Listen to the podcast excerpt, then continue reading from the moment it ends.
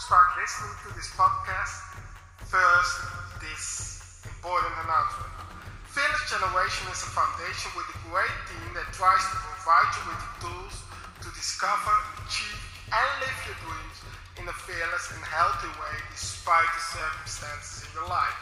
But we can't do that without your support.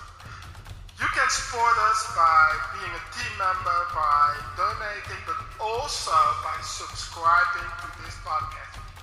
Check out our website www.fearlessgeneration.nl if you want to donate or become a team member. But for now, first subscribe to this podcast feed right now. And uh, for now, on behalf of the whole team, thank you for subscribing to this podcast feed. And of course, enjoy this great podcast.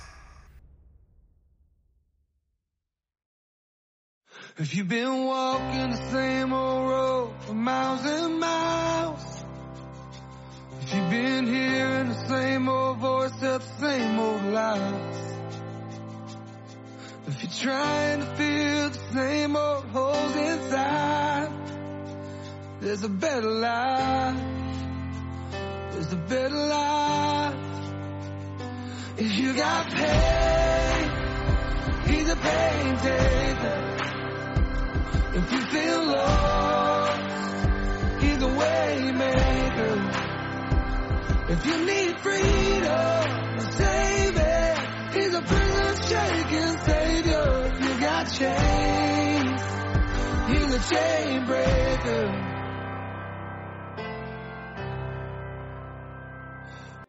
Good evening, and we oh, I'm so excited for today. The ninth episode of this podcast, Building a Fearless Character. And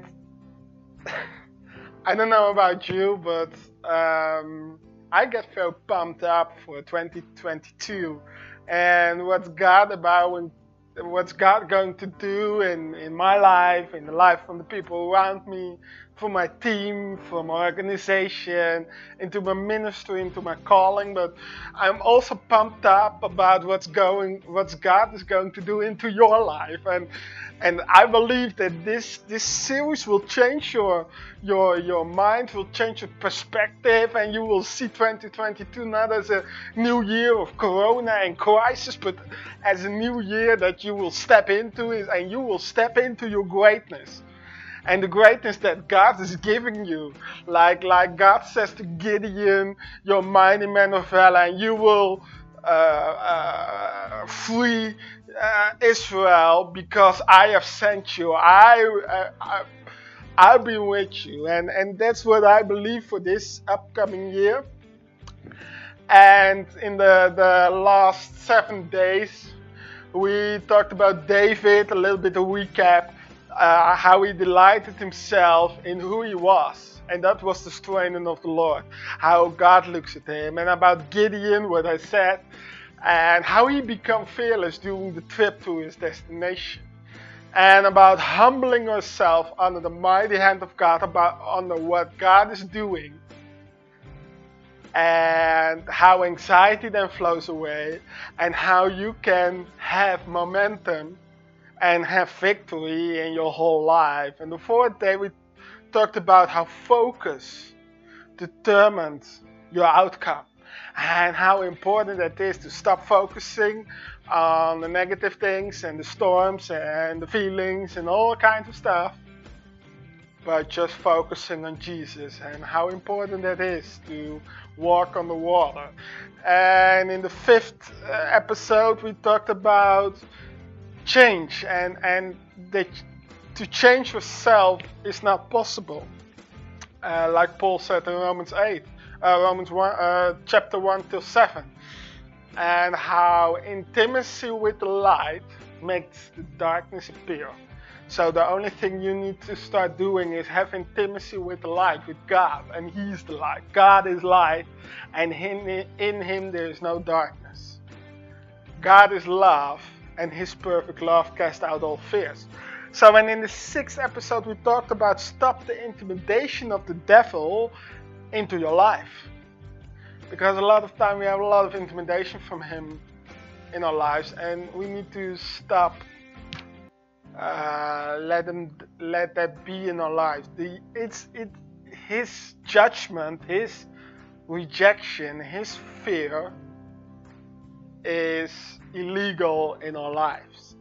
And the seventh episode, I go a little bit on on that about being rooted in your identity, how important it is to being rooted in your identity before you step into your calling, before you step into your purpose, before you step into your destination, into your promised land.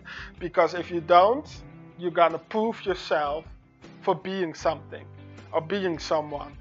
But if you are rooting your identity, the authority is a logic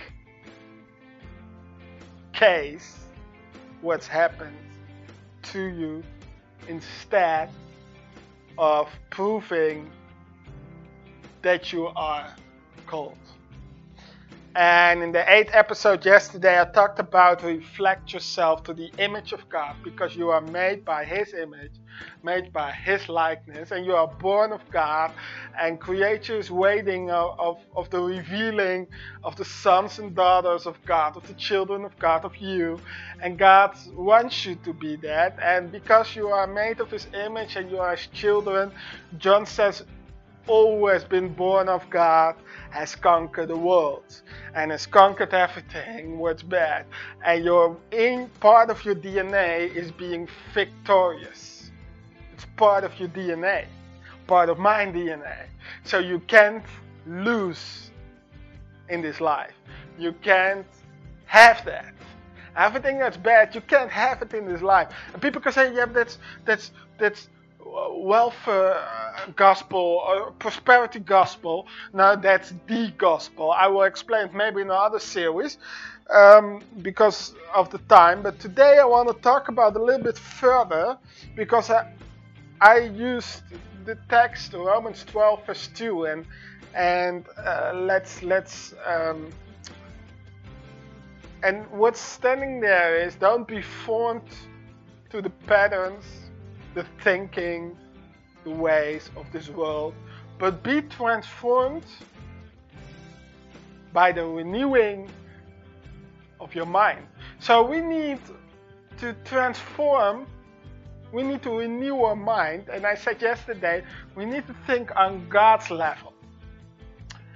And when I experience and I preach a lot in churches and in all kind of churches, in evangelical, Pentecostal churches, but also traditional churches, Reformed and all kind of stuff, Baptists.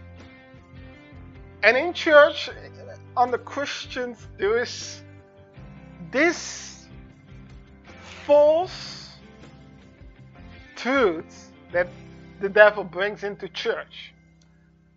That's this.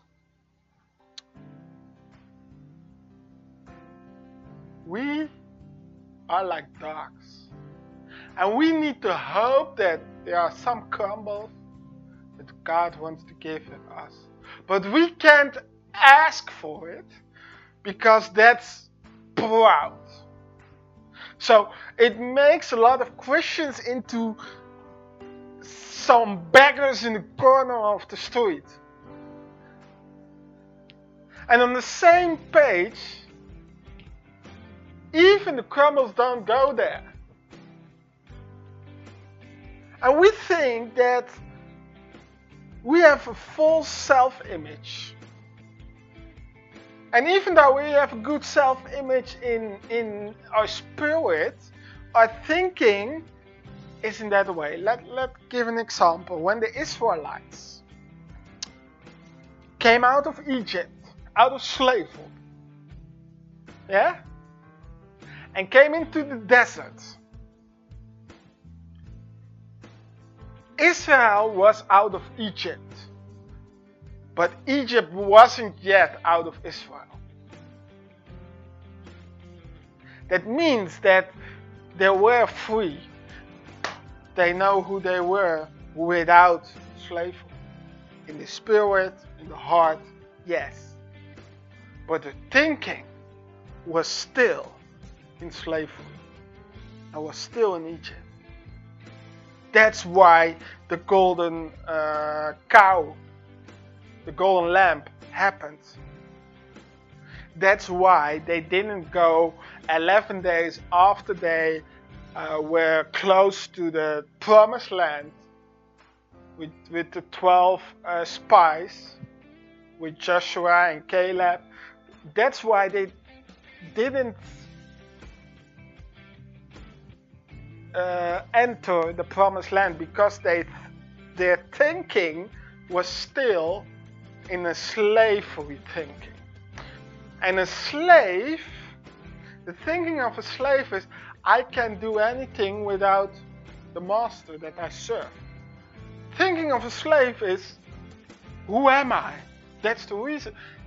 A king will never be a slave. If you think like a king, I'm a king. You will never act like a slave. Let's be honest. It can't be. It will be blocked.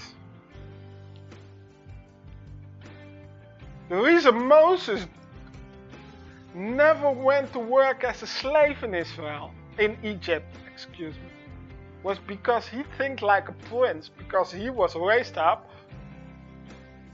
by the Pharaoh, by the daughter of the Pharaoh. So Egypt, Israel was out of Egypt, but Egypt wasn't out of Israel. So we and a lot of Christians God has set them free and they know they are free, but still their thinking is still in boundaries. Not because they are bounded, because they didn't change their thinking. And today I want to give you uh, uh, a major new perspective of praying. Because I believe praying is the most powerful thing to do. And praying is nothing less than talking with God. Communication, talking with words, is the most powerful weapon you have. And that means communication with God when things happen, but also when they didn't happen, but also when you communicate and when you pray, you create. Because our words are not first made for communication yet. We do that also, and God does that also. But first, they were created for creation. Let's prove that to you. When God made the earth, how did he do that? With his words. God said, Let there be light. And what happened? And there was light. God said, Let there be trees. And there were trees. God said, Let there be animals. And there were animals. God said, Let there be the moon and the stars for nighttime and the sun for the daytime and there was a day and a night. God said, and it was. A lot of times Jesus healed people. Sometimes he didn't. But a lot of times when he healed people, he said, Get up and be healed. Get up and walk. He said it and it happened. So our words were first created to create. So that's why Proverbs 18, verse 21 says, Death and life are be in our tongue, and who gives, gives on to death will eat his food. So when you speak, that's why I said some episodes uh, back, I said to you, stop with speaking the facts or your feelings and start speaking the truth. Why? Because when you speak the truth, you create something. First in the heavenly realm, but Hebrews 11 verse 3 says that the visible exists to, throughout the invisible. So it was first in the invisible, in the heavenly realms, before it came to the visible.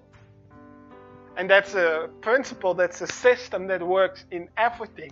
That's also here on earth. Before your company was there, in the visible, you got an idea, and no one could see the idea, but you can see it. You can see it.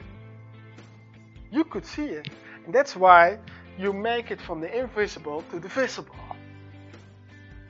So begin to speak what you see in the invisible, in the heavenly realms. And when you begin to speak that and you live like that, you bring it by living it while you're speaking it to the visible. It's not a topic that I want to speak about today, but I need to say that first. And now I want to go with you to Ephesians and I like this verse a lot because Paul wrote to the Ephesians some uh, yeah important scriptures. Ephesians 3 and Ephesians was the church where uh, if you look at historically where Timothy where I spoke about earlier uh, Timothy was uh, one of the pastors, you could say, or elders of this church. And then we see verse 20, and, and I want to encourage you to read the whole chapter. But because of the time, I want to focus on verse 20. And now to him who's able to do far more abundantly beyond all that we ask or think, according to the power that works within us. To him be the glory in the church and in Christ Jesus to all generations forever and ever. Amen. What does this text mean? Let's give a little bit background. Verse 21, to him be the glory, talks about verse 20. 20. So you give glory to Jesus when you take verse 20 seriously. That's what this means. So let's let's take it a little bit out of each other to explain. Now to him, that's Jesus, that's God, who is able to do far more abundantly be all that we ask or think. It is hard to understand in, in especially in in in um, how do you say it Calvinistic countries like I live in the Netherlands. But hear me out, because this will set you free of your slavery thinking. Philippians says God will give us all that we need. This text doesn't talk about what we need. And a lot of Christians and, and very spiritual Christians or very lawful Christians say, God will give you what you need, not your greed, like it is a Bible text. It's not a Bible text, it's not in the Bible. He will give you what you need. But His glory doesn't show up when He gives you what you need. Let's go back to my daughter again, to the example.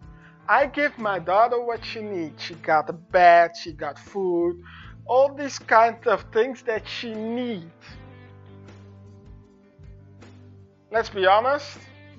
I love it when it does, but most of the time when you give your children what they need, they don't go every morning, Oh, daddy, I got food today, thank you.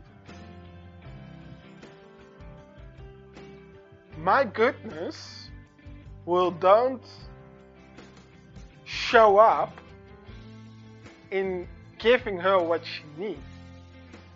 My goodness for her will reveal in giving her more than she needs. And that's where verse 20 comes up. So let's read again. Now to him who is able, so he is able, he can do it, to do far more abundantly so that's a lot more than what you need, far more abundantly, beyond all that we ask or think. He wants to give you more than you ask to Him, and not only with words, but also in your thinking. What does this mean? In the Greek, it is ask and think, if you translate it. This means that your speaking must be in line with your thinking. If you only speak truth but you don't believe it, don't think it, it won't happen. And a lot of Christians, they forgot their thinking.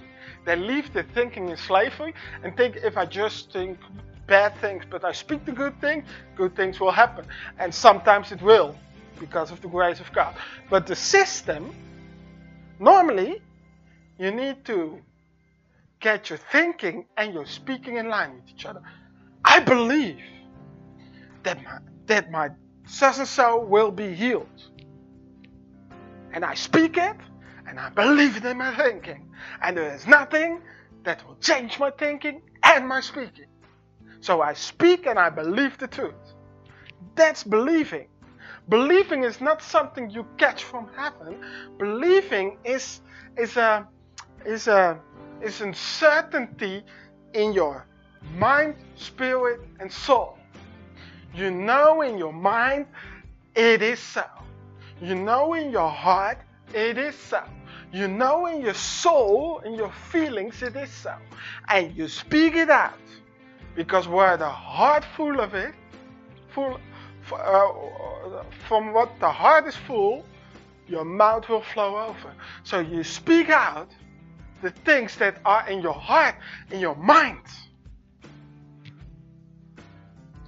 And because you do that, God is able to give you far more abundantly. And why He want to bless you more abundantly? Deuteronomy 28 says that we are blessed to be a blessing.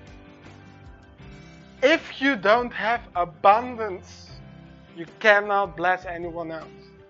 If you just have enough money for your family, you can bless your neighbors.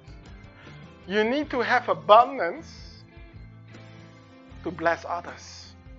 Jesus had abundance in food, but also in money.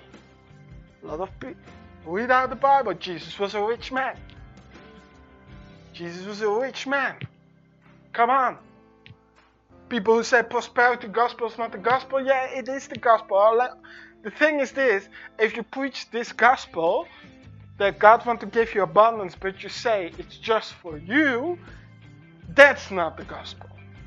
But if you say God wants to prosper you, God wants to give you abundance in everything, in, in spiritual things, but also in natural things, in money and everything. But it is to bless others. That's the gospel. Jesus was abundant in money. I, I, give a lot of these examples.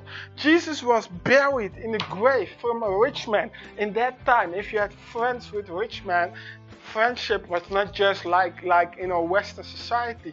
They share a lot. Judas, he stole from the from the from the money, and Jesus knew it by revelation. If there was not very much money in the in the bag where the money was, maybe 50 euros, and there's 10 euros out of it you don't need to have revelation because you can see it. You only need revelation to know that someone has stole from the bag of money because it's so much that there are two ways to find out that someone has stolen from it. One, to count it all. Two, a revelation from God. But that means there is a lot of money in there. Three, Jesus had a had a uh, garment and a jacket, a garment. And when he dies, the Roman soldiers they did a lottery who get it from him. Do you think in that time, a little bit background about the time, in that time, Roman soldiers are very rich. The, the garment you had say something about your status. Do you think that Roman soldiers want a beggar garment? No. They want that garment because it was something that worth something. Jesus was a rabbi. He was a rabbi, that's why he could speak in the synagogue. And he was a rabbi. And a rabbi was one of the highest people in Israel with a good salary. So, in all kinds of ways, you see that Jesus had abundance, and his abundance, he used it to share. He had a good life and he shared. So God wants to give you that too. So we need to change our thinking. Stop with being a beggar in your thinking. If you go to pray for someone who need to get healed,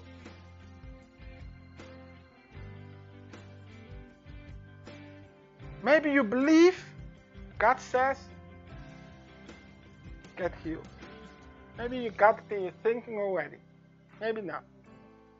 But most people, they say this. Most Christians. God, do you want to believe such and so? Stop with it.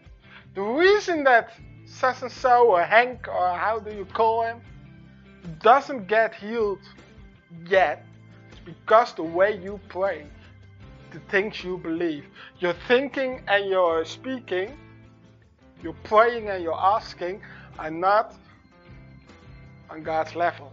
God says, Luke 19, go, if the city is open, eat what is before you. Say, peace is on this house.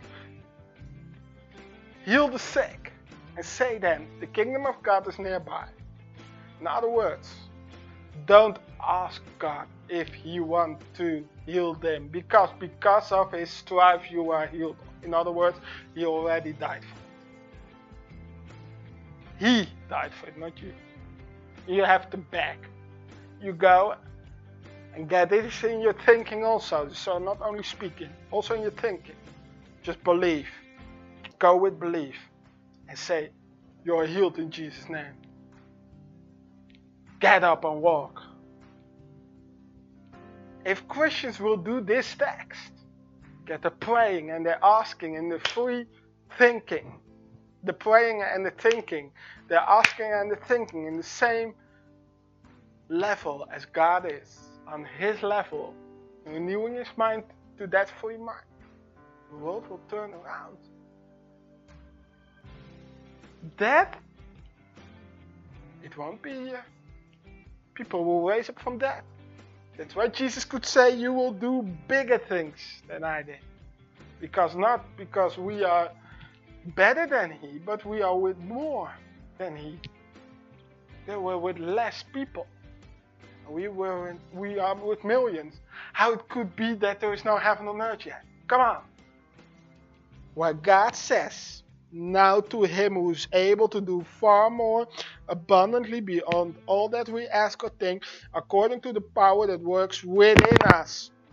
The power works already within us. Tomorrow we talk more about the power because I'm gonna finish. And because of that, comma, to him be the glory in the church and in Christ Jesus to all generations forever and ever. Because of that, the glory is to him. Because his power works already within us. So start to get your asking, your speaking, and you're thinking on the same level and not the same human level, but on godly level, renew your mind to his level. And amazing things will happen. And tomorrow we talk about the power of God that's working within us. And for now, I want to bless you. God bless you. Have a nice evening. And we see you tomorrow. Amen.